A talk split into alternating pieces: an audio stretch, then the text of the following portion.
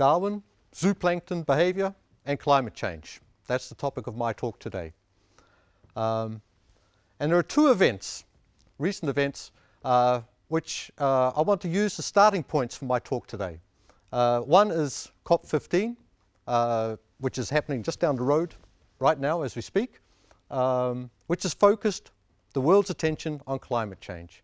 And the other event, perhaps somewhat less evident, uh, was the 150 year anniversary of Darwin's public, uh, pub, uh, publication of The Origin of the Species. Um, and to connect those two, I want to take you on a tour to the deep oceans of the world, uh, where this little guy, a copepod, is a central actor in, the, uh, in regulating climate and whose behavior is attuned to Darwin's grand unifying theory of life. As a marine uh, scientist, I'm often confronted by the question like this What will the world's oceans look like 100 years from now? And of course, this has two aspects. The first is the physical structure and circulation. That the oceans will invariably become warmer is evident, um, but how will that warming be distributed from time to time and from place to place? The oceans will also become somewhat fresher, stand maybe a little bit higher, um, become a little bit more acidic, uh, and large circulation patterns like the Gulf Stream and the North Atlantic Drift might slow, stop, or even reverse. And embedded in that, of course, is the question of what sort of life will the oceans support in the future? Will jellyfish become more um, uh, successful than fish? And will the living resources of the oceans be as, as abundant and as, uh, as uh, harvestable as they are today for the millions of people who rely on those things? Those are the sorts of questions that I wish to address. Now, the unsettling thing about climate change is that it's driving the world into a configuration that we have never seen before.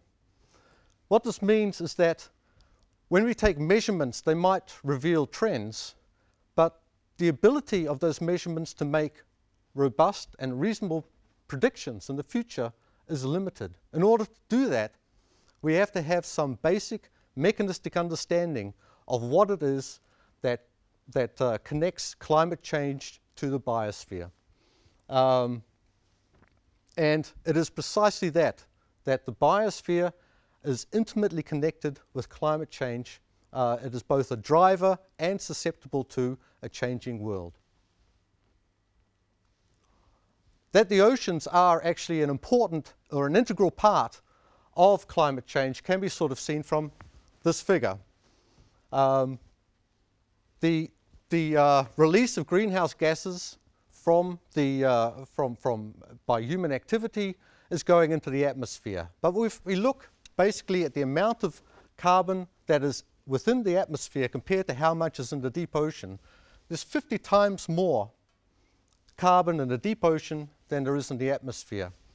With the implication being that should there be even a very small change in the mechanisms that drive carbon into the deep ocean or the ability of the deep oceans to store that carbon, any small change could have enormous consequences for the entire carbon cycle of, uh, of the world.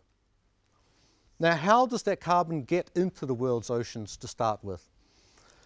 Uh, from time to time and from place to place all over the world, vast areas are coloured by, um, by small plant-like plankton, uh, pl plant plankton, uh, which blooms, uh, sucking in or drawing down enormous amounts of carbon dioxide from the oceans into their biomass.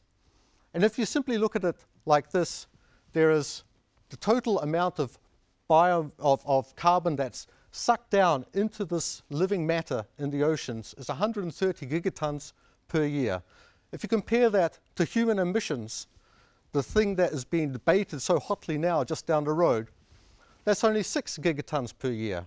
Evidently, the ability of the ocean to take up that carbon is enormous. And if we just take it from that point of view, you can actually work out that only 12 square kilometres of the Kattegat can potentially take up all of the carbon emissions for one coal-powered plant in Denmark, um, which would then solve all our problems, but only if that were true. The important question is not that the oceans draw down this carbon, it's what happens to it afterwards. A quick cartoon or a quick summary of exactly the processes that occur in, occur in the ocean. Carbon dioxide is in equilibrium with the atmosphere and the ocean. There's a free exchange. Uh, sunlight, together with carbon dioxide, is used by phytoplankton, these very small plant uh, plankton that drifting, drifting around the surface of the ocean, to, uh, to create their biomass. They convert it into organic carbon. Phytoplankton is eaten by zooplankton. Zooplankton is eaten by fish, and the fish are caught by humans and consumed by us. If this was the only thing that was occurring in the ocean, it would be absolutely carbon neutral. Any carbon that goes in would come out again. But the process is not. And the important part of the entire process is this, the sinking out of carbon from this entire process into the deep ocean. and this is where these guys, my little friends, the copepods, come in. They're crustaceans. Uh, they're typically about one to two millimeters in size. That's about the size of a, a, a grain of rice. Um, and they come in a whole variety of different forms. Some extremely flamboyant, as you can see here, uh, and some much more prosaic. They're extremely widespread. They're found in all bodies of waters, from lakes and ponds to rivers, estuaries, the coastal seas, and also the, the open ocean. And they're extremely abundant. As a class, they represent the largest biomass of living matter in the oceans. and they also, their, their role uh, is also important in this entire process of bringing carbon down into the deep oceans. And this is a process known as the biological pump. Uh, zooplankton consume this, uh, these, these uh, plants like this, and how can I put it nicely, but they repackage what they don't use into small pellets, small uh, pellets but larger, that sink very rapidly and rain down into the deep ocean. Their other role is that they migrate vertically. And in migrating vertically, they spend quite a large part of the day at depth. And while they're down there, they respire, they breathe out carbon dioxide. And it's this process carrying carbon from the surface oceans all the way down into the deep ocean that is known as the biological pump. And copepods play an extremely important role in this process. Now, when you think about migration, you probably think about birds flying from north to south uh, in their winter migrations or wildebeest roaming across the, the savannas of Africa. But as it turns out, it is the vertical migration of zooplankton that is by far the largest concerted movement of biomass anywhere on Earth. And obviously this has a huge role in the budgets, the carbon budgets of the Earth. Now we come to the question, how will this migration alter as climate changes in a future world, how will that migration change? And by implication, what will that affect, what will the effect be then on the biological pump and the ability of the oceans to take up and uh, carbon? In order to do that, to address that, we have to have a mechanistic understanding. And this is where Darwin comes in. The central concept of Dar Darwin's theorem uh, is fitness. It is a measure of how well an individual organism can survive and reproduce in face of all the adversities and, and uh, opportunities that nature can throw at it. This is the driving force of evolution and it is the driving force of the origin of species. But Fitness or Darwin's concept are not simply something that's locked away in the geological past. The echoes of evolution can be seen in how animals behave today. To put it another way, all animals, all organisms are confronted by three overarching tasks. They have to find food, they have to reproduce, and they have to avoid being eaten themselves. Uh, invariably, um, finding food also exposes organisms to risk, to predation risk. In other words, fitness involves a trade-off. There's a trade-off between what, how an animal behaves in finding food, reproducing, or uh, avoiding um, predation. And there's actually a fairly simple um, uh, model that we can use to quantify that. Fitness is the difference between the benefit and the cost of a behavior divided by the risk. And as a slight aside, this is actually a fairly good model of, a, of the economic return of a small business as well. Um, and that's not surprising. So, now we can come to uh, understanding, a mechanistic understanding of why there is this daily migration of zooplankton. They have to feed in the surface, that's where the plants grow. But while they're up there in the light, they also expose themselves to predation risk.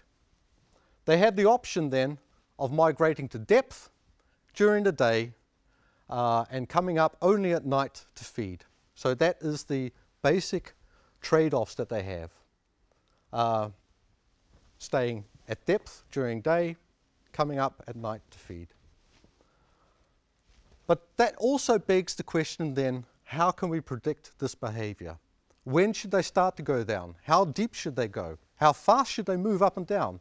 And when should they start to come up?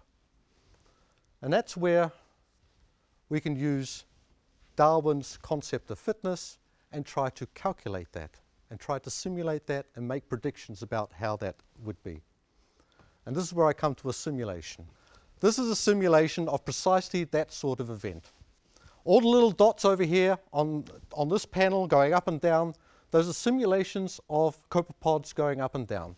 Each one is an individual animal that has to try to maximize its fitness in the timing and the depth that it goes up and down.